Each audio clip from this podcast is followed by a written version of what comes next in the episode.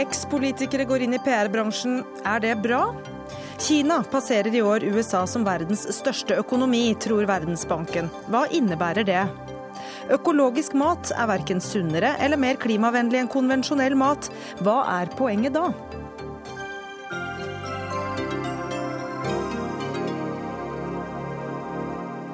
Ja, slik lyder noen av spørsmålene i aprils siste utgave av eh, Dagsnytt 18. Mitt navn er Gry Blekastad Almås. Først i eh, denne sendingen skal vi til politikere som bytter beite og starter eh, i PR-bransjen. Det kaller du nitrist, Per Olaf Lundteigen. Hvorfor det? Ja, det var i forbindelse med Karl Erik Schjøtt-Pedersen. Som var den statsråden som hadde, etter statsministeren, størst tillit. Han har eh, fått eh, arbeide med det han har vært interessert i nærmest hele livet sitt, fordi at han har hatt eh, tillit da fra Arbeiderpartiet og fra velgerne i Finnmark. Og så velger han da å gå over i, i konsulentbransjen. Det er helt lovlig, det er helt greit.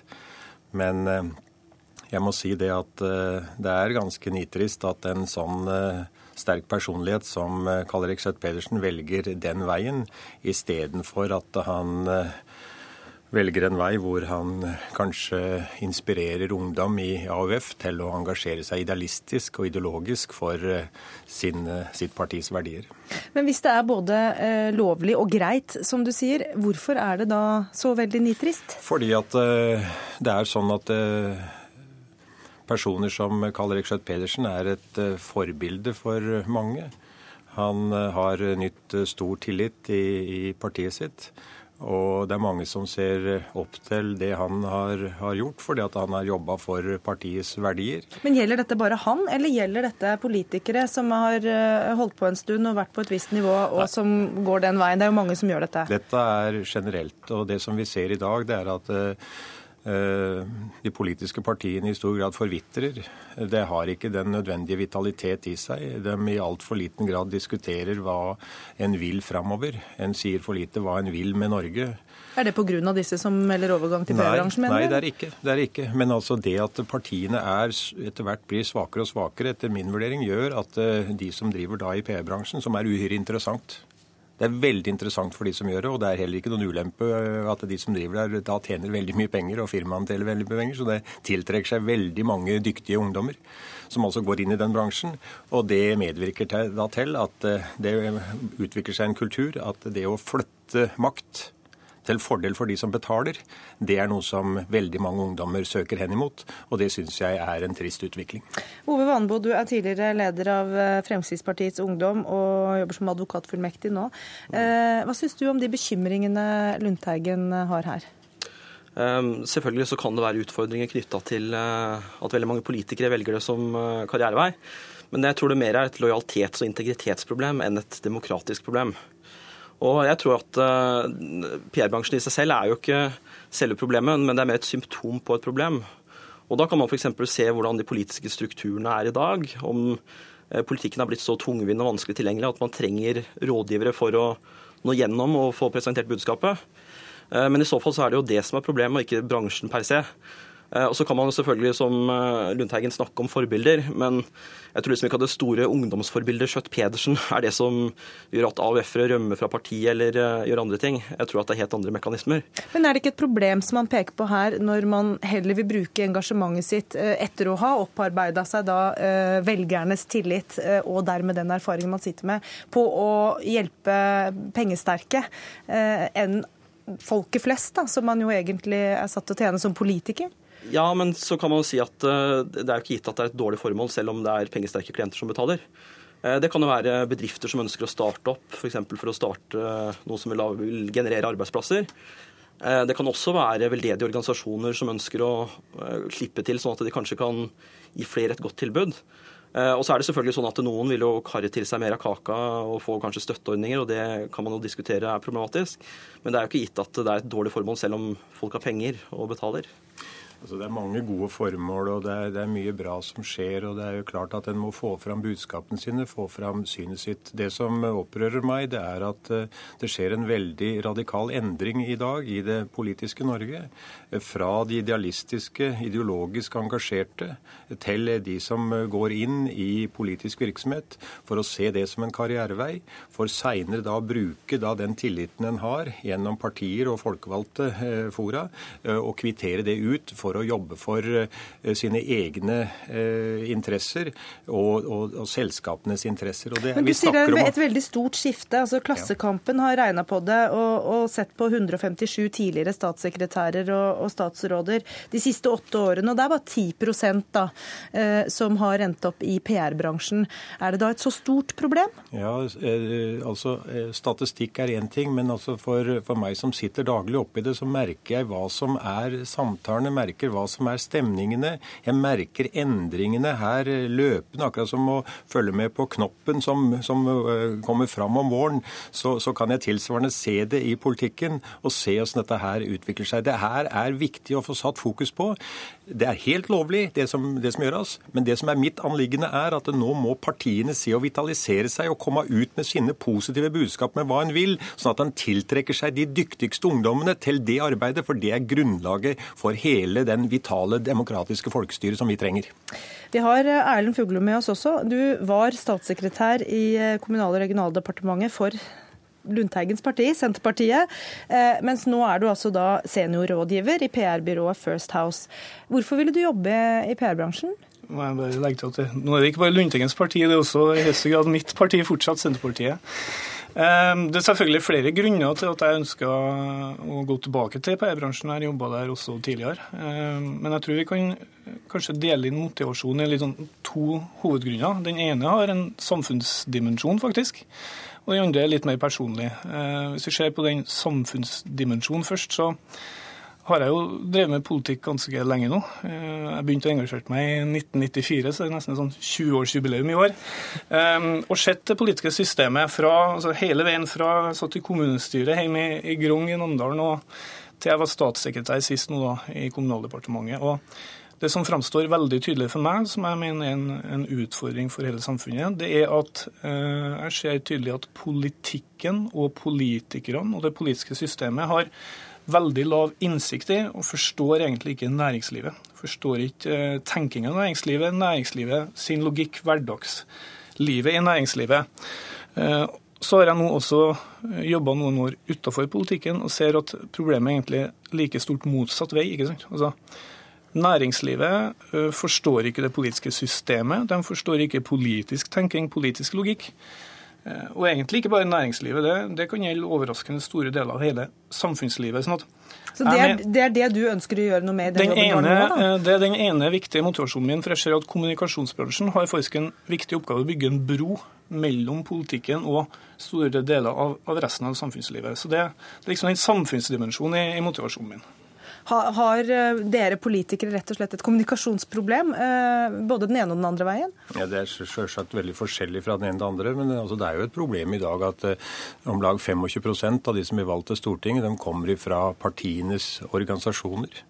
Og det er så utrolig få som har arbeidslivserfaring, jeg vil bruke det uttrykket. Eh, fullført eh, utdanning, jobba i, i arbeidslivet, kjenner hva som, hva som rører seg. Og det, det, er jo da vesentlig at, eh, at, vi får en diskusjon omkring det her, sånn, så at når det er valg, at velgerne da ser henimot hvilke erfaringsbakgrunn har de som, de som skal inn på Stortinget. Hva er problemet med at de ikke har noe yrkesbakgrunn? Det er jo som problem at den blir jo lett lettvektere, for å si det direkte, i forhold til eh, ulike eh, økonomiske og politiske interesser. En har ikke tilstrekkelig røtter og forankring i, i, i, egne erfaringer og i egen utdannelse, som gjør at eh, det blir vanskelig å gjøre en god jobb på basis i det programmet som er valgt på. Vannebo. Ja, nei, altså Akkurat den delen av analysen deler jeg jo med Lundteigen. fordi Noe jeg merka av å jobbe som advokatfullmektig, er jo at uh, penger betyr noe. Det er sånn at uh, Hvis du bruker penger på noe, så kan du ikke bruke det andre steder. Mens i politikken så har man uendelig med penger og har problemer med å prioritere, f.eks. Så det er jeg jo enig i. Ja, blir det lettere hvis man har en yrkesfaglig bakgrunn? Ja, for da vil du få beskjed hvis du ikke gir gode råd, f.eks. Eller hvis du hvis du bruker mye penger f.eks. i en prosess. Og du skal jo da prøve å få det beste resultatet for klienten, og da, da vil det bety noe. Eh, penger betyr noe. Men så er det jo igjen den litt større debatten her, da. Og eh, som Lundteigen har vært inne på, så har det jo vært sånn at eh, man opplever at politikere kanskje kvier seg og ikke tør å ta de store debattene. og Det er også en, en et godt spørsmål, det er et riktig stilt spørsmål, men jeg vet ikke om svaret er riktig. fordi da jeg var politiker, så var det jo kanskje andre ting som heller gjorde at jeg var bekymra for å gå ut. Det kunne være f.eks. For, for å bli hengt ut i media. Det er noe som skremmer politikere. Det kan være at andre politikere er med på å senke taket når man diskuterer, ved å stemple motstandere istedenfor å diskutere realiteten. Eh, men det er jo mekanismer som ikke henger sammen med PR-bransjen. Det er jo mekanismer i politikken selv. Fuglum, er det politikerbransjen som ikke er attraktiv nok? Jeg syns ikke vi skal kalle politikk for en bransje. Det håper jeg virkelig ingen tenker. Det å drive med politikk men er, men er, det noen som skremmes vekk fra politikken, da, for å stille spørsmålet på en annen måte? Ja, Det kan hende, men, men eh, jeg tror ikke måte, det er det mest relevante her. Men, men noe av det som, som, eh, Ove Vannebo snakker om her, det er en del av forklaringa på hvorfor kommunikasjonsbransjen er i vekst, mener jeg. Altså, det ene tingen er at samfunnet er komplekst, som vi allerede har snakka om. Altså, jeg møter folk som forteller meg at, at det politiske systemet for dem nærmest er ugjennomtrengelig. De har prøvd, også godt utdanna, ressurssterke folk sant, med organisasjoner i ryggen som sier at jeg klarer ikke å finne ut hvem som bestemmer hva, når det blir bestemt osv. Så, videre, så den innsikten der. Men det andre som Vanebo trekker fram, det er jo eh, det vi kaller for medialisering av samfunnet. sant? Altså at eh, Vi har jo fått media som har deadline 24 timer i døgnet. Hvert minutt publiseres det nyheter. Og det er mange som står altså i, i, i lampa til media og blir spurt, eh, og som opplever det som intenst. Og også disse folkene trenger jo hjelp fra folk som kan kommunikasjon. Det er altså som vi ser, det, det er forskjell på å, å, å, ha vært i krigen og lest om den, det er å få hjelp fra noen som sjøl har opplevd det. Og så er det vel eh, sånn, Lundteigen, helt til slutt, at også ekspolitikere må ha en jobb å gå til? Ja visst må ha en jobb å gå til, og det er da veldig mange muligheter for dem. De trenger da ikke også gå inn i en bransje for å jobbe mot de idealene en tidligere har vært for. Takk skal du ha, Per Olaf Lundteigen. Takk til Ove Vanebo og Erlend Fuglum. Dagsnytt 18 alle hverdager kl 18.00 på NRK P2 og NRK2.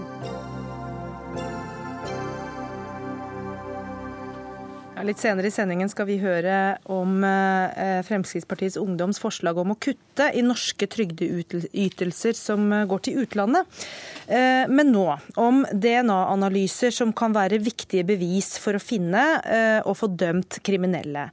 Den eneste som utfører slike analyser i Norge, er det offentlige Folkehelseinstituttet. Og i Dagsnytt i morges hørte vi at den lange ventetiden på å få slike analyser fører til at straffesaker blir henlagt. Eh, Sverre Bromander, du er leder for Politijuristene. Kan du gi oss noen eksempler på hva slags saker som har blitt henlagt pga. lang ventetid på disse analysene? Eh ja, altså La meg først si at de såkalte prioriterte sakene, så er jo hovedinntrykket at eh, analysene går raskere enn før. Utfordringene er det som vi omtaler som uprioriterte saker, typisk hvor folk ikke sitter i varetekt eller sånne ting. Der tar analysene lang tid, opptil fire til seks måneder. Hva slags saker er det snakk om? Nei, altså Det er det vi som jobber med faget ofte vil kalle mindre saker, altså kanskje vinningssaker og sånne ting men som da selvfølgelig vil ha svært stor betydning for den som er utsatt for noe kriminelt. Og det har ført til da henleggelser fordi det tar for lang tid? Ja, altså Når vi vet at det tar fort fire til seks måneder å få svar på disse analysene, så må jo da vedkommende som sitter med ansvaret for saken, ta en vurdering på hvorvidt det er verdt å vente på om å få svar på den analysen, eller om man skal henlegge saken. Eh, kapasiteten i påtalemyndigheten i dag er sprengt. Det er dessverre sånn at man ser etter muligheter for å henlegge saker istedenfor å få oppklart dem. Og da blir fort en løsning også disse sakene. Eh, vi har jo hørt at DNA-analyser var avgjørende for å oppklare, eh, oppklare denne Aksla-drapssaken i Ålesund. Eh, og de siste to årene har Oslo-politiet oppklart minst 30 voldtektssaker med ukjente gjerningsmann på bakgrunn av DNA-bevis, som vi kunne se i Dagsrevyen i går. Hvor viktig vil du si at DNA-analyser er blitt for politiets arbeid, sammenlignet da med andre virkemidler? Det vil jo variere konkret fra sak til sak. Generelt så vil jeg si at det er et svært viktig etterforskningsverktøy. DNA-analyse er svært viktig, kanskje særlig typisk de sakene du her snakker om, som seksuallovbrudd. Uh, slike ting, Men også generelt så er det et svært viktig verktøy for å få oppklart og iretteført straffesaker. Anders Werp, du sitter i justiskomiteen for Høyre. Eh, hva bør da din regjering gjøre for å hjelpe politiet eh, med å få brukt dette virkemidlet skikkelig? Ja, heldigvis så står det i vår regjeringsplattform at vi skal få flere analyseinstitutter. Vi skal bryte det offentlige monopolet. Fordi dette har to viktige konsekvenser, og negative konsekvenser, det den rød-grønne regjeringen har bygd opp som vi har i dag. For det første, slik som Bromander påpeker, at eh, man ikke får fulgt opp alle saker eh, godt nok. DNA-analyse er et viktig etterforskningsverktøy, det er det ingen tvil om. og det har gitt gode resultater, og det kommer til å gi gode resultater, men vi utnytter det ikke godt nok, slik som Romander og politijuristene forteller oss. Det er det ene som er betenkelig. Og Det andre som er betenkelig, eh, og som er en viktig årsak til at vi må få flere analyseinstitutter, det er for å bedre rettssikkerheten. For alle i en rettssak har eh, krav på, eller bør ha krav på, å få sine bevis eh, prøvd av flere uavhengige instanser. Men når vi har et monopol, slik som vi har i Norge på DNA-analyser, så har man ikke mulighet for en såkalt second opinion. Det svekker rettssikkerheten. Dette har vi påpekt fra Høyre i syv år. Eh, og de rød-grønne gjorde ingenting. Vi ble avfeid hele tiden. Kari Henriksen, eh, du sitter eh, sammen med Verp i justiskomiteen, men da for Arbeiderpartiet. Og, hva tenker du om privatisering som veien å gå her?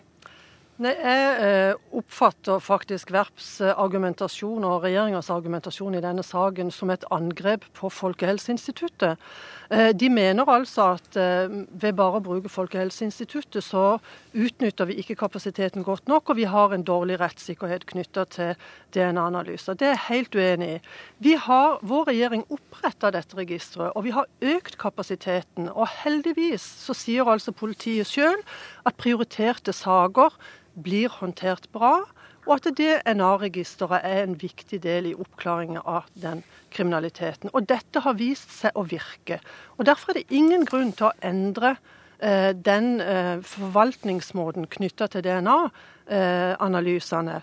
Vi bør heller utvikle mer offentlig tjeneste knytta til dette, f.eks. med å etablere noe i, i Tromsø. Hvorfor skal det på død og liv være privat? Jeg ønsker ikke et marked inn i etterforskningsdelen av politiets arbeid. Ja, Dette er direkte feil. Det Henriksen her sier, Dette er overhodet ikke et angrep på Folkehelseinstituttet.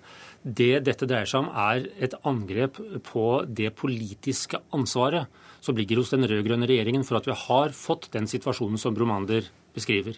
Det har ikke noe med Folkehelseinstituttet å gjøre. Men det har noe med at de rød-grønne overhodet ikke var villige til å etablere flere eh, analyseinstitutter. Om det er privat eller offentlig, det er helt underordnet. Men det at vi har et monopol til én offentlig institusjon, det er det som er problemet. Men Fungerer ikke det når vi nå får høre om gamle voldtektssaker som blir oppklart fordi man uh, finner DNA-bevis? da? Det fungerer åpenbart ikke når det er fire til seks måneders ventetid på vinningskriminalitet. Og Vi fikk en rapport fra Politihøgskolen tidligere i vinter som viser at kun 4% av vinningskriminalitetssakene etterforskes ved bruk av bl.a. DNA-spor. Det er altfor lite, og Politidirektoratet har jo innrømmet at dette, vi utnytter ikke det potensialet og de mulighetene som ligger i DNA-analyse.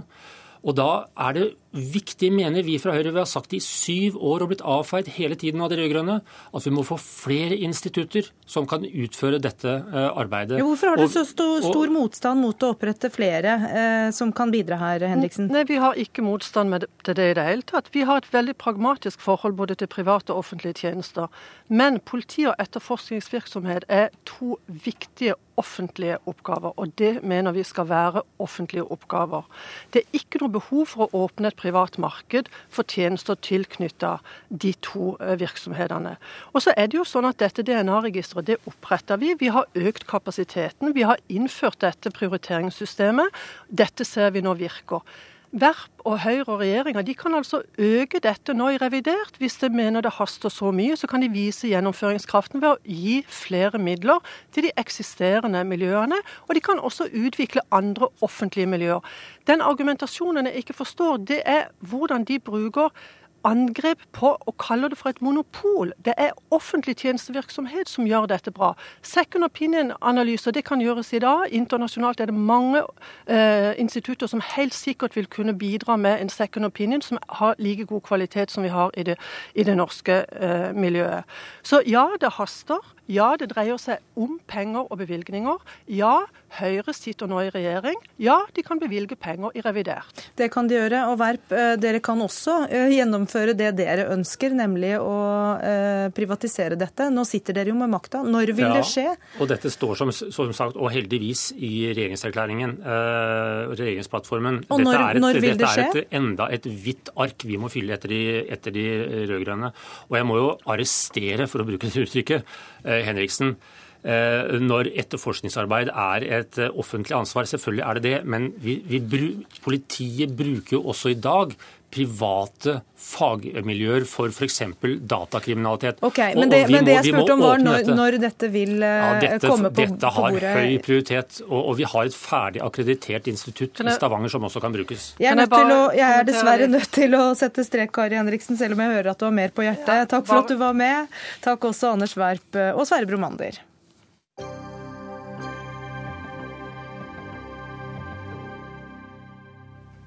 Ungdom kvier seg for å delta i den offentlige debatten fordi de frykter reaksjoner, viser en ny eh, undersøkelse bestilt av Fritt Ord. Mer om det om litt. Eh, men før det skal vi snakke om eh, verdensøkonomien. I løpet av året kommer Kina til å gå forbi USA som verdens største økonomi. Det viser nye beregninger fra Verdensbanken. Og India har gått forbi Japan og er dermed blitt den tredje største økonomien. Elisabeth Holvik, du er sjef sjeføkonom i Sparebank1. Hva er det Kina, og da India, gjør riktig? Nei, Først og fremst er det jo utrolig mange mennesker, eh, og de har starta å vokse fra et veldig lavt nivå. Eh, og så, eh, hvis en skal snakke om Kina, så er jo det en sentralstyrt kommandoøkonomi. Så når de har bestemt seg for en langsiktig plan, så er det mange som går i rett retning, og de får gjort De får satt langsiktige mål. Hva er prisen for at eh, disse økonomiene vokser så mye? Ja, Prisen er jo at det har gått veldig fort i svingene. Og eh, i eh, Kina så har jo en flytta enormt mye folk fra landsbygda, der en har et sosialt nettverk og tilgang til mat, inn til byer. De har fått økt velstand og jobb. Men prisen er jo at det har blitt veldig forurensa.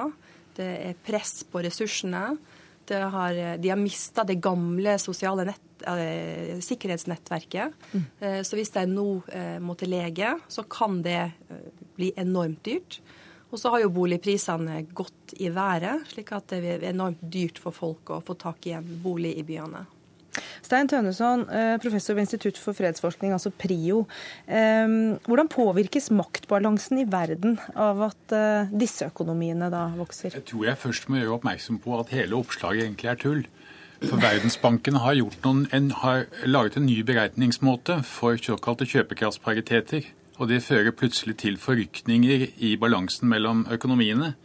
Egentlig er det sånn at USA ligger langt, langt, langt over Kina på 16 000 milliarder, Kina på 7,7. Og Japan ligger tre ganger over India. Men når du altså tar kjøpekraftsparitetene i beregning, hvor mye du kan kjøpe for varene internt i landet, og så lager en ny beregningsmåte hvor du vekter dem ulikt det man har gjort før, så blir det plutselig noe som endrer seg. Så hele spørsmålsstillingen er egentlig gæren, selv om det er ganske mye riktig i det som ble sagt om Kinas og Indias vekst. At det har voksende økonomier? Ja, India har hatt en relativt svak økonomisk vekst de siste årene. Det har ikke gått særlig bra. Store deler av India ligger langt tilbake. India har 70% av befolkningen som lever på under to dollar dagen. Den største samlingen av fattige mennesker er i India. Kina har hatt en betydelig reduksjon i fattigdommen, men de har fortsatt også en 27% av befolkningen som lever på under to dollar dagen. Men når eh, landenes økonomi da eh, vokser eh, såpass mye og såpass hurtig, eh, betyr det at forskjellene øker? Eller kan man da få flere ut av den fattigdommen du beskriver? Du kan få, Det kan i grunnen skje begge deler samtidig. Det er ofte sånn at Når det skjer en rask økonomisk vekst, så øker forskjellene fordi noen blir veldig mye rikere, men de som er fattigere, blir også noe rikere. Det har skjedd i Kina. Der har det vært en dramatisk økonomisk vekst, og den har konsekvenser for makt. Fordi Foreløpig er USA verdens suverent dominerende makt, med over halvparten av verdens militærutgifter. Men Kina øker sine militærutgifter med en ca. 12% årlig, og begynner å mer og mer bli mektige, sånn at de andre bekymrer seg. Men husk på det at USA er også alliert med Japan som den tredje største økonomien, som ligger nær India. Så den japansk-amerikanske alliansen vil lenge ennå være mye mektigere enn Kina. Med noen forbehold eh, Holvik, om eh, beregningsmetodene her, da. Eh, hvor bærekraftig vil du si at veksten i Asia er i disse store landene vi snakker om? Ja, altså eh, Hvis en ser på Kina, så har jo de vokst eh, veldig raskt de siste eh, ti årene. Og de har vokst både fordi en da flytta folk inn til byene, og fordi en har hatt store offentlige investeringsprosjekt som er lånefinansiert. Så kredittveksten har vært enorm i Kina. Og det gjør jo at veksten er ikke bærekraftig. Så de må få en mer moden og stabil økonomisk vekst på sikt.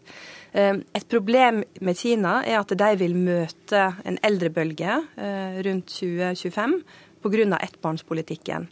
Så Det som har vært positivt til nå, har jo vært den raske økningen i den, den, gode arbeidsstyrken med unge, eh, flinke mennesker. Eh, den vil jo bremse opp etter hvert. Og så vil de slite da med en aldrende befolkning som demper veksten. Men som, som, jeg starter med, det er utrolig mye mennesker som eh, bor i eh, Asia. De vokser raskt. Så det er jo ikke noe tvil om at på, om det blir i år, eller om 10 år, eller om 20 år, så vil jo det økonomiske tyngdepunktet gå tilbake igjen til Asia, slik det var for mange hundre år siden. Tove Selnes, eh, du er konserndirektør i eh, Opera Software og har drevet handel med Kina, og også India, i sju år. Mm. Hvordan har du opplevd denne veksten gjennom den perioden? Nei, Det er jo nettopp som Elisabeth nevner her, at det er enormt store markeder. Og vi kom inn i de markedene tidlig og takker de landene for stor grad av vår vekst. Vi har nærmere 50 millioner eh, månedlige brukere i eh, India. Eh, og det er kjempespennende å være i de markedene fordi de er veldig prissensitive, veldig prisbevisste brukere, og bruker teknologi på en ny måte. I India så er det sånn at mobil er kanskje den første må altså Gjennom mobilen er den første måten du møter internett på. Så vi så jo f.eks. at i India begynte man veldig tidlig å se på hele videoer på mobil mye før det var vanlig på smartphoner eller andre ting hos oss. Så det er et viktig marked å forstå, eh, og som åpner også opp for mange andre spennende markeder, som Indonesia, Bangladesh. Eh, så, så jeg tror at en, en, del av norsk næringsliv går glipp av veldig store markeder. Selv om kjøpekraften er mindre, så er det jo enormt mange mennesker hvis du treffer de to landene. Er det annerledes å drive business der enn, eh, enn i Vesten, da? Eh, ja, på mange måter eh, så er det annerledes, nettopp fordi du, treff, du møter eh, et, så, stort marked, og det er også veldig sånn konkurranseutsatt. I Kina så er det jo også det at særlig innenfor internetteknologi så er du nødt til å tenke veldig kinesisk. Så du er nødt til å tenke det som et eget marked. det handler jo om skriftspråk. Det handler om at de er veldig flinke til å kopiere, på en måte lage nye versjoner. lage liksom den kinesiske Google-versjonen lage egne eh, søkesider osv. Så, videre. så Så man må lage en kinesisk variant av sitt eh, produkt og tilby det markedet. Og da hjelper det ikke å sende skandinaviske ledere, som mange norske firmaer gjør. Da er du nødt til å på en måte ha lojale kinesiske medarbeidere som kjenner ditt produkt, som har jobbet inne i selskapet lenge, og kanskje da reiser ned og etablerer seg. Og for oss så var det først når vi fikk en partner i Kina at, at det tok av. Ja, Tønnesen, det, det, høres ut som det er, i, det er i Østen det skjer. Eh, blir Vesten nå hengende etter? Altså Blir de tidligere i-landene ja. de nye u-landene? Altså, Hva skjer? Det, det, det forsto man på en måte skikkelig under den store finanskrisen i 2008. og Det så kineserne også. Så kineserne har nå et kjempeproblem, som er det at de har tjent seg rike, eller tjent veldig mye penger på å produsere for eksport til USA og Europa. Nå kan ikke USA og Europa avta så mye lenger. Så nå er de nødt til å utvikle sitt indre marked. Det krever enorm omlegging i Kina. Det har den kinesiske ledelsen skjønt. Men det er veldig sterke interesser i Kina som står imot de strukturendringene som de må gjøre. Så vi er ikke sikre på at de klarer det. Og da kan det godt være at veksten svikter også i Kina. På den andre siden av Atlanteren, eller Stillehavet, så ligger da USA som har enda større problemer. For de trenger også å omstrukturere, for de må begynne å spare. De må få opp rentene. De må få i gang produksjonen sånn at de kan eksportere. Jeg vil reklamere litt for en kjempegod bok av en som heter Stephen Roach, som heter 'Unbalanced', eller 'Ubalansert', som handler om den økonomiske sammenfiltringen mellom USA og Kina og som sier at amerikanerne klarer ikke strukturendringene. Kineserne klarer det kanskje, og hvis de klarer det, så kan det være at amerikanerne også kommer til å begynne å klare det. Og da er det nettopp å eksportere sånn som vi hørte om her, til Kina, i konkurranse med nordmenn og japanere og sørkoreanere. Realiteten er jo at både USA og Kina og Vesten altså Vi har jo alle levd over evne de siste 10-20 årene. Ikke kineserne. De har ikke spart det. De har spart allting, de. De har verdens suverent største sparegate og nesten ikke, ikke, brukt noe på seg sjøl. Det gjelder husholdningene, ja. mens bedriftene og staten har jo nå tatt opp stor gjeld. Eh, Kredittveksten i Kina har eksplodert. Eh, og realiteten er at vi skal inn i en ny fase med en aldrende befolkning. Så alle må jo begynne å legge om politikken. Men det er kjempevanskelig. Det er veldig vanskelig i demokrati.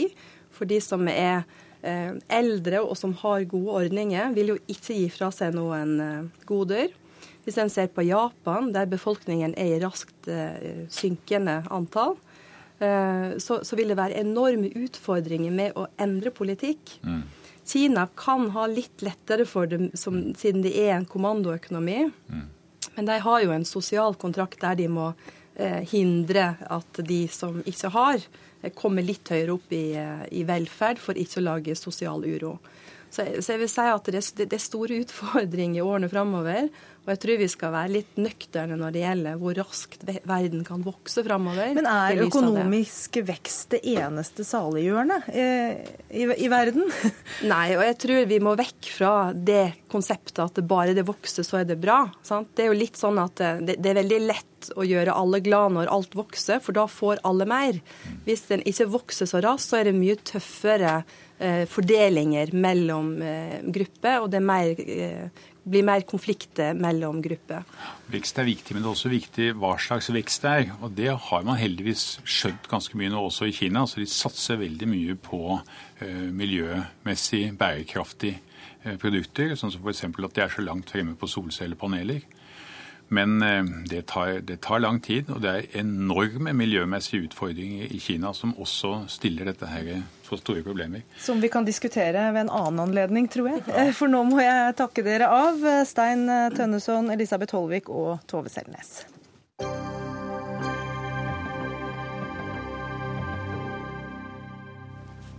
Ungdom kvier seg for å delta i den offentlige debatten. Det skriver Dagens Næringsliv eh, i dag. Ifølge en undersøkelse Fritt Ord har fått gjennomført, svarer de unge at de skygger unna debatter eh, om temaer som innvandring, homofili og religion, bl.a. fordi de ikke vil irritere andre. Og Liv Holm Heide, du er leder av Elevorganisasjonen. Hvor godt kjenner du igjen din egen omgangskrets i eh, denne frykten for å delta i den offentlige debatt? Nå kommer jeg fra mange ulike omgangskretser. Jeg kommer jo fra, eh, fra, politikken, men jeg kommer også fra de som ikke engasjerer seg så mye i samfunnsdebatten f.eks. Eh, og jeg ser jo likhetstrekk ved mye av det med de som f.eks. ikke engasjerer seg så mye, eh, ved at denne frykten kan komme, da, og at man ikke, man ikke tar det steget inn i nettdebattene fordi man ser, at, man ser at der møter man på mye rart. Man kan få mye kritikk, det kan gå på personangrep osv., og, så videre, og da, da lar man rett og slett bare være. Men samtidig så har jeg jo andre som tar debatten, og som virkelig står opp for det de mener. Så, så det er mye ulikt. Eh, men, men, jeg kjenner meg veldig igjen i det som kommer fram i undersøkelsen. Hvorfor er det sånn? Jeg vet ikke. Det er nok mange ulike, ulike grunner til det. Eh, det er nok mye, handler mye om hva ungdom har sett tidligere i ulike debattforumer eh, og, og andre steder. Ser hvordan utviklingen kan bli da, fra å være en sak om musikk til å bli en sak om rasisme. At det er mye som kan spille inn, og derfor kanskje de Kanskje de gjør det, kanskje at de engster seg litt ekstra for det, eh, for å rett og slett få ta imot kritikk og, og ta den og oppleve det. Mathias Fischer, du er eh, debattjournalist i Bergens Tidende og administrerer debattsidene for unge, eh, og er bare så vidt over 20 år sjøl også. Hvordan opplever du debattklima for ungdom? Jeg opplever debattklima for ungdom først og fremst for bra, og jeg synes jo at denne undersøkelsen her ikke sier så veldig mye interessant. Altså, Dette her er en kvalitativ undersøkelse hvor de har snakket med 22 videregående elever i Oslo. Eh, og En kvalitativ undersøkelse kan jo fortelle veldig godt hvorfor ting er som de er, men det forteller jo ikke hvordan ting faktisk er. Eh, neste uke så kommer medieundersøkelsen på nordiske mediedager. Eh, og Da har man spurt ungdom mellom 16 og 25 om de deltar i kommentarfelt og i avisenes på sosiale medier. 15% sier ja, og når de spør de som er over 25, så er det 4% som sier ja. Det er helt åpenbart at ungdom er mye mindre redde på internett enn det de eldre er. Og Her har man jo bare antatt at utgangspunktet er at ungdom er redde, og så spurt de hvorfor. Mens tallene som nå kommer, viser jo det stikk motsatte. Samtidig så bekreftes det jo eh, av eh, både Liv Holm Heide her og andre at den typen frykt for reaksjoner fins. Og kan ikke det være hemmende for den demokratiske eh, debatten? Selvfølgelig kan det være hemmende. og for 20 minutter siden på, denne, eh, på, dette programmet så sa Ove Vanebo at politikere er redd for å gå ut i media fordi de er redd for å bli hengt ut. Og jeg tror at over, Hvis du spør hvilken som helst aldersgruppe, så vil de aller fleste si at de er redd for å delta i det offentlige ordskiftet fordi de er redd for reaksjoner. Jeg har skrevet 17 000 tweets, men hvis jeg hadde sittet i et sånn gruppesamtale med TNS Gallup og spurt om jeg syntes det var ubehagelig å skrive ting på internett, så tror jeg faktisk jeg også hadde svart ja. Hva slags eh, tilbakemeldinger eller eh, kritiske kommentarer har du selv fått? Nei, Jeg har fått mye først og fremst folk som er uenige. Og det er jo selvfølgelig ubehagelig å gå inn i en debatt og så få motargumenter som man gjerne ikke helt er forberedt på. Og det tror jeg nok er noe av det som man er redd for. Og så tror jeg òg at den hetsen man omtaler, da, den tror jeg er overdrevet tror nok det først og fremst er at ikke alle er så veldig komfortable med å gå i store diskusjoner og debatter. Og det gjelder for alle aldersgrupper. Det gjelder mm. både like, like mye i den vanlige verden som de gjør på internett. Det de oppgir i denne undersøkelsen som årsak til vegring, er jo at de er redde for å irritere andre. Eh, at de føler seg sårbare. Eh, at de kan få kritikk for uvesentlige ting som skrivefeil. Eh, og at kritikken kan gå på person istedenfor på sak. Hva tror du, Liv Holmheide, at det kan føre til for, for deltakelsen i det offentlige? Det kan jo så klart uh, hemme deltakelsen. Uh, og Der sier jo mange at f.eks. på Facebook vil det ikke irritere, og, og, andre steder vil det ikke irritere. Uh, og Der tror jeg det er dette med at man må, må skape en holdning da, om at det er viktig å ytre seg. Det er viktig å, å komme med sine meninger og delta. og også lære å opplyse ungdom om hva rammene rundt debattene er. Hvor langt strekker ytringsfriheten seg? hvor viktig er det å, å kunne mye om kildekritikk og, og, hva som er rett og galt osv. jeg tror det handler om, om mye informasjon der, og rett og slett at man kanskje skal, skal, opplyse mer for at en eventuell holdning kan endres til at det skal være trygt å kunne si sine egne meninger, og at man har, har da denne konsensusen de snakker om, men har den da heller rundt at det skal være greit å ytre seg at det er greit, men i forhold til feil eller en skrivefeil, eh, så lenge debatten er god. Men man kan jo lure av og til, da, man, eh, hvis man ikke tør å si hva man mener om kontroversielle spørsmål fordi man ikke vil irritere andre. Når man ser alle slags bilder og informasjoner som faktisk legges ut, som kanskje er ting ting man kan komme til å angre på seinere også. Det kvier man seg ikke for. Nei, og der tror jeg det handler eh, kanskje litt om dette med at man ikke helt vet det. Man tenker ikke helt over det i øyeblikket at dette her kan faktisk en senere arbeidsgiver se, eh, og, og dette kan komme eh, tilbake til meg senere. Hvorfor er det tryggere å legge ut enn en politisk ytring på en eller annen måte, da? Det handler nok mye om at en politisk mening er noe, noe du virkelig står inne for, og, og viser noe du, noe du står for selv, som man kanskje da er redd for at andre skal mene. Men så klart så er jo det en veldig individuell sak. og Om du syns det er greit at et rart bilde legges ut av deg istedenfor at du skriver at du er mot eller for noe, så, så er jo det litt opp til en selv. Eh, men eh, Det er vel kanskje det misforholdet, Mathias Fischer, som gjør at man har plukket ut de unge her eh, i denne undersøkelsen. Kjenner du deg igjen i det? Altså, Selvfølgelig kjenner jeg meg Jeg har ikke noe problem med å skjønne at det er veldig mange som synes det er skummelt å gå i debatter. Men jeg, jeg logget på Facebook i påsken, og jeg har etter hvert fått en god del eh, venner på Facebook som er godt, ganske mye eldre enn meg. Og Det blir ikke så veldig mye debatt på Facebook av å legge ut eh, bilder av sønnen sin som står på ski. Altså, Det er jo veldig mye de samme tendensene du ser hos de som er eldre òg. Det er ikke sånn at det er en ungdom som sitter på Facebook og vegrer seg for å snakke. Det ser du like mye i alle aldersgrupper. Vil du si at uh, ungdom engasjerer seg uh, i den offentlige debatt fra ditt ståsted da i Bergens Tidende? Er det lett å få inn innlegg fra unge? Vi har uh, vår egen debattside for ungdom som vi har hver uke, hvor vi får masse innlegg fra og Det er da for de som er mellom 13 og 20 år. Vi er også den avisen i Norge som har hatt flest innlegg på trykk fra studenter, og ser en stor pågang fra utrolig dyktige skribenter som er unge. Jeg snakket med sjefredaktør Gard Steiro før jeg gikk på her, og han sa det at jeg tror jeg aldri før har hatt så mange dyktige unge skribenter som det vi har nå.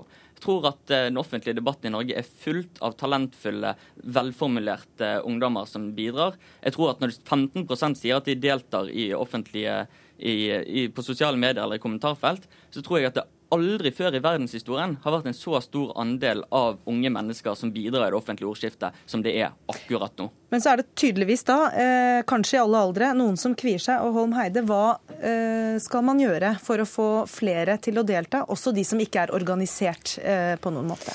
Jeg tror det kan hjelpe mye med å oppfordre unge til å delta. Eh, ha samfunnsdiskusjoner i klasserommet. Samfunnsfag kan man utnytte til utrolig mye. Man kan ta opp eh, aktuelle saker. Eh, trigge til debatt i klasserommet, på skolen, blant vennekretser. Foreldre kan oppfordre barna sine til å delta. Man kan ha samtaler hjemme også. Det er mye man kan gjøre hvis man bare informerer og opplyser om hvor arenaene er for å engasjere seg. Hvordan skal man ringe en journalist i til lokalavisa og si at dette har elevrådet mitt fått til, f.eks. Eh, og lignende. Så lenge ungdommen får den informasjonen de trenger, så tror jeg vi kan komme veldig langt. Og bare fortsette og fortsette å oppfordre til å bli med i debatten, for det er veldig gøy å være med. Og ikke la seg dempe av nettrollene der ute. Takk til Liv Holm Heide og til Mathias Fischer i Bergen. Hør Dagsnytt 18 når du vil. Radio NRK Radio.nrk.no.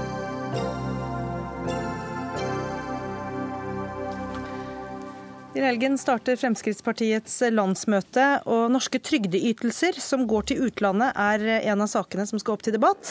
Årlig utbetales eh, om lag 7,5 milliard kroner til nordmenn eh, som er bosatt i utlandet, eller til utlendinger som tidligere har vært bosatt i Norge, eh, og sånn sett da har rett på f.eks. barnetrygd eller dagpenger.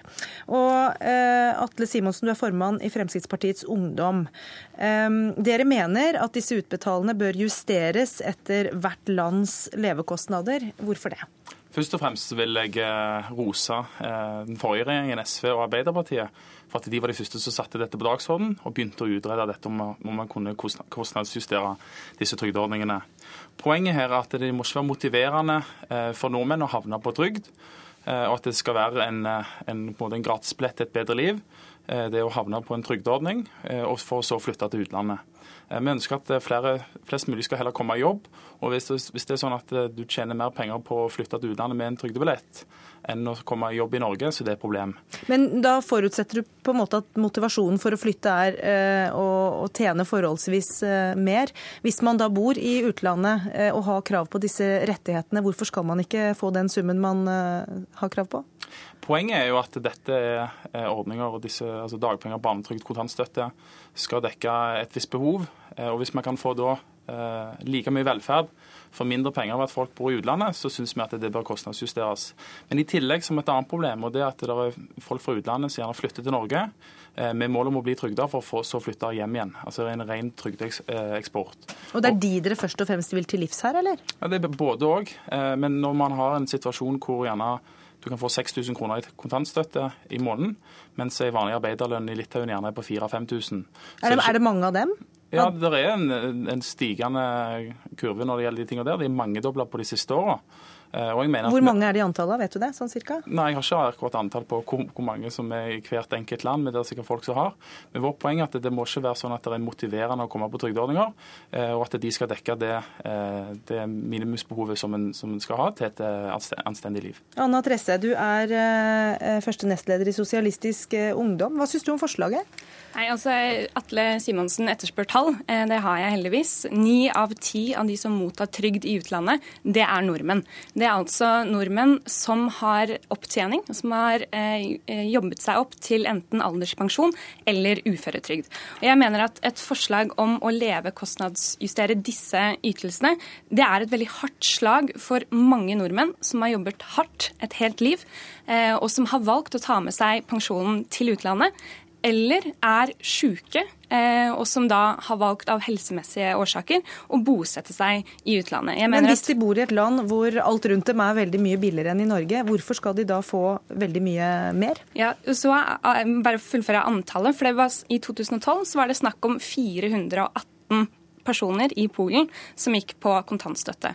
Og Vi i SV er veldig enig i at det er ekstremt viktig å få til livs eh, urimelig trygdeeksport. Det er helt uakseptabelt at det er noen som utnytter og misbruker systemet. Mm. Men da mener jeg at det er latterlig at det er Frp som var med på å tvinge gjennom EØS-avtalen, eh, som kommer med dette forslaget. For det er faktisk ikke mulig gjennom EØS-avtalen. Mm. Og med mindre Frp og FU er villig til å gå sammen med SV om å melde Norge ut av EØS, så syns jeg ikke dette er et forslag som har no, noe særlig verdi. Ja, eh, Det er rart at det kommer med dette, i og med at det var den forrige regjeringens første forslag som tok dette opp. Men advokat og ES-ekspert Thomas Nordby i advokatfirmaet Arntzen han sier at eh, jeg mener det vil være fullt mulig at støtten kan indeksreguleres ut fra pris og kostnadsnivå i hvert enkelt land. Og, og at EØS-avtalen ikke står i veien? Ja, det mener han da. Eh, og Mitt poeng er at dette skal selvfølgelig ikke gjelde alderspensjonister. De har betalt inn til folketrygden og skal heller ikke tilbake i jobb igjen. Så det er en, en helt annen problemstilling. Så Pensjonister som bor i Spania, de skal få lov å bo der uten at de får mindre pensjon.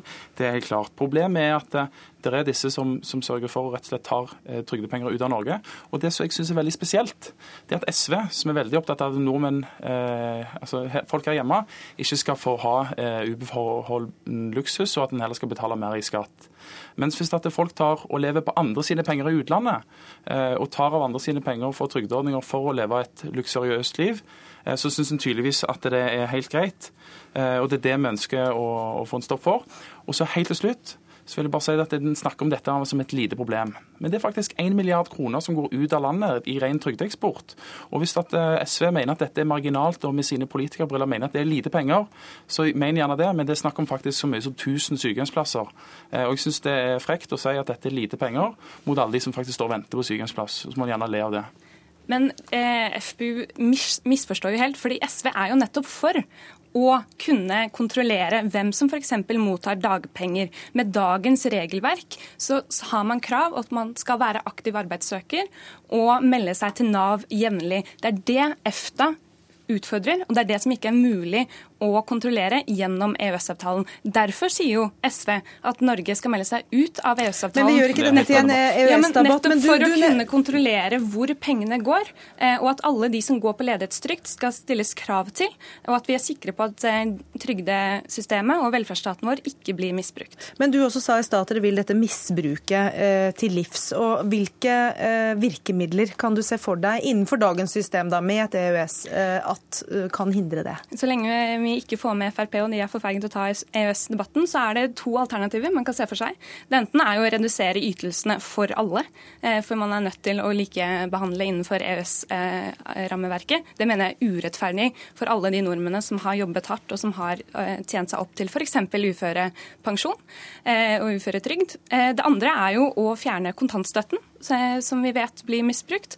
Og så er jo Frp del av en regjering og står for en politikk som vil eh, ikke bare beholde kontantstøtten, men utvide den, samtidig som de fjerner barnehageplasser. Det betyr økt trygdeeksport. Det er mye lettere å eksportere kontantstøtte enn å eksportere barnehageplasser. Simonsen, er det aktuelt å, å, kutte ut uh, kontantstøtten og kvitte seg med hele problemet? Nei, det handler om valgfrihet for barnefamilier, at de skal få lov å bestemme og selv, og ikke politikere skal bestemme alt. Uh, men ekspertene om EØS-rett i Norge er uenige med SU.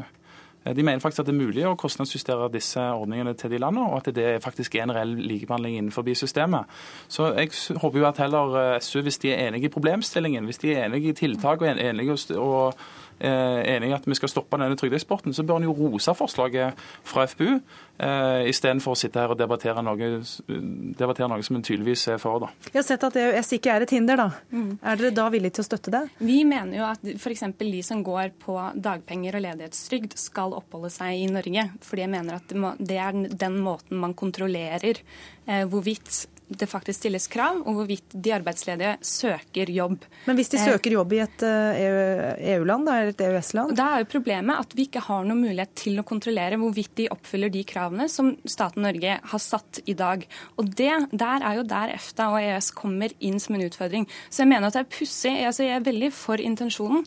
Eh, veldig mot at man skal tillate eh, trygdeeksport som er urimelig. Men da må jo også FPU ta inn over seg dagens realiteter og komme med tiltak som faktisk er gjennomførbare og realistiske, hvis de mener noe annet enn eh, symbolpolitikk. Men er ikke kostnadsjustering realistisk og gjennomførbart? Jo, det er det.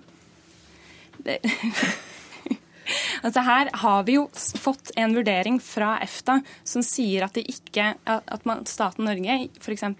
ikke kan hindre eksport av ytelser til EØS-borgere som har jobbet i Norge, eller som da befinner seg i andre land enn Norge. Som det tydeligvis er uenighet om? Da, det, er, det er riktig det som blir sagt her, men, men det en glemmer å ta med seg, det at det faktisk eh, at en har sett på dette og en mener at det er mulig å kostnadsjustere de ned til at de får samme levevilkår i de landene der som de ville hatt i Norge. Og Det er det vi faktisk ønsker å gjøre noe med. Vi ønsker å ta et problem før det virkelig blåser opp. Dette har blitt mangedobla de siste åra. Vi ønsker ikke at norske skattebetalere skal betale for trygdemisbruk i utlandet. Takk til Atle Simonsen i FPU og Anna Tresse i SU.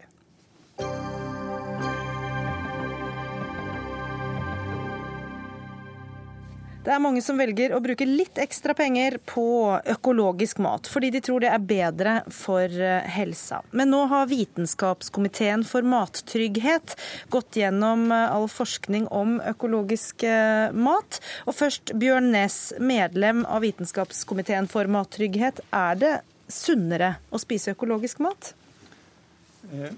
Vi har gått igjennom litteraturen på området.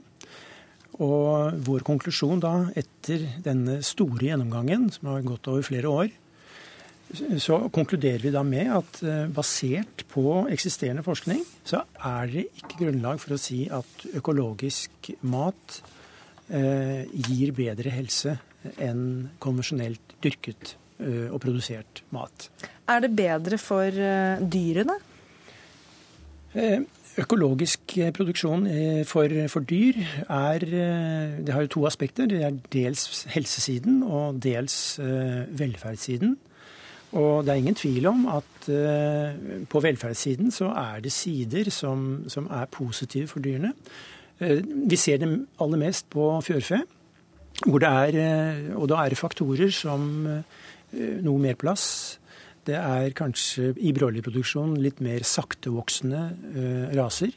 Det er tilgang på dagslys.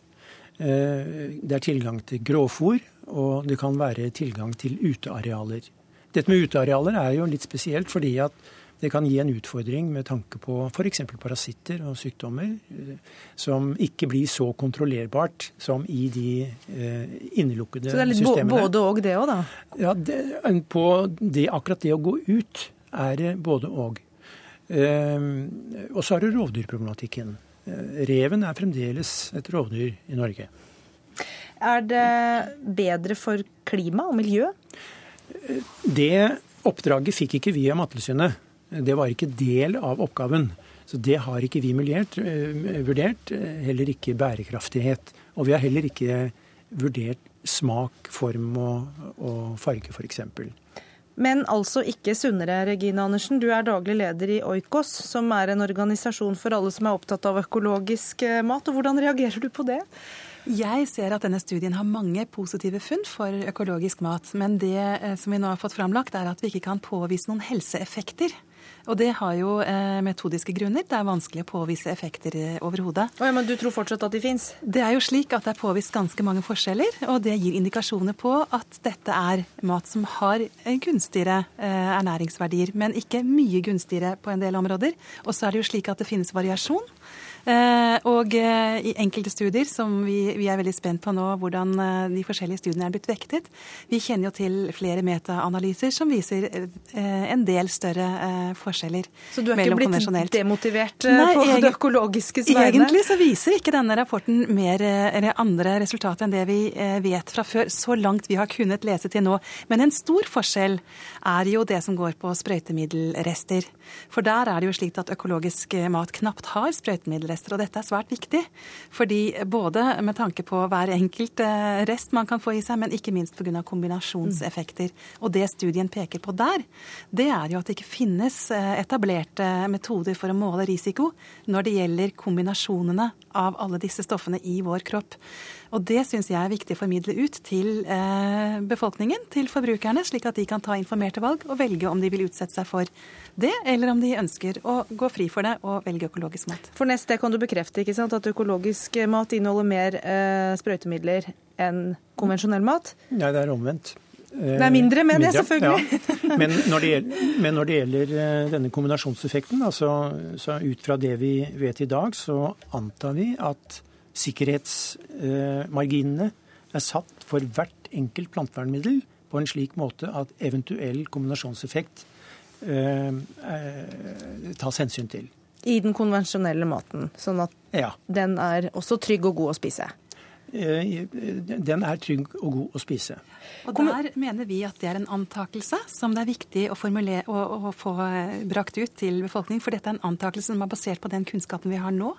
Men det er jo eh, fortsatt veldig lite kunnskap vi har på feltet. Og fortsatt så har man slått fast at det ikke fins metoder som kan måle risiko. Derfor er dette svært usikkert, og det bør folk vite om. Ok. Eh, Kjetil Alstadheim, du eh, lot deg engasjere deg i dette og skrev en kommentar om det i Dagens Næringsliv, hvor du er kommentator i går. Eh, vil du si at dette er godt eller dårlig nytt for forbrukeren? Jeg tror det er interessant nytt for forbrukeren. Jeg tror mange blir overrasket fordi man har hatt eh, en del inntrykk av eh, økologisk mat som eh, Hva skal du si At effekten er sikrere enn det den faktisk viser seg å være. At mange har trodd at det er sunnere. og Her får vi en vitenskapelig gjennomgang der 80 forskere har vært med, der de ikke kan påvise at det er sunnere. Mange har trodd at det er tryggere. Ifølge denne rapporten så kan man ikke konkludere med det. Eh, mange har trodd at det er bedre for dyrevelferden. Eh, her er det no bedre på noen områder, men som vi hørte er det litt eh, sammensatt bilde. Og så er det noen som har trodd at dette er bedre for klimaet. Det er ikke tema i denne rapporten, men der kom det en rapport i fjor fra Bioforsk som viste at økologisk mat er, er verre for klimaet. På hvilken måte? Det er fordi, ifølge den rapporten, fordi økologisk produksjon er mindre effektiv. Dvs. Si at den krever større areal. Eh, og skal du ha større areal, så må du f.eks. Eh, drenere en myr, eller du må hugge ned skog. Eh, og det er uheldig for klimaet, for da slipper du ut karbon som ellers ville vært eh, lagret. Det er jo ikke særlig god reklame for økologiske eh, landbruket, dette her. Det må jeg få svare på. Først og fremst så er det mange miljøeffekter som er viktige. Og det er jo påvist f.eks. at for det levende mangfoldet i jorda, den levende jorda, så er, dette, så er økologisk desidert best. Metastudier viser dette, og det er det bred enighet om.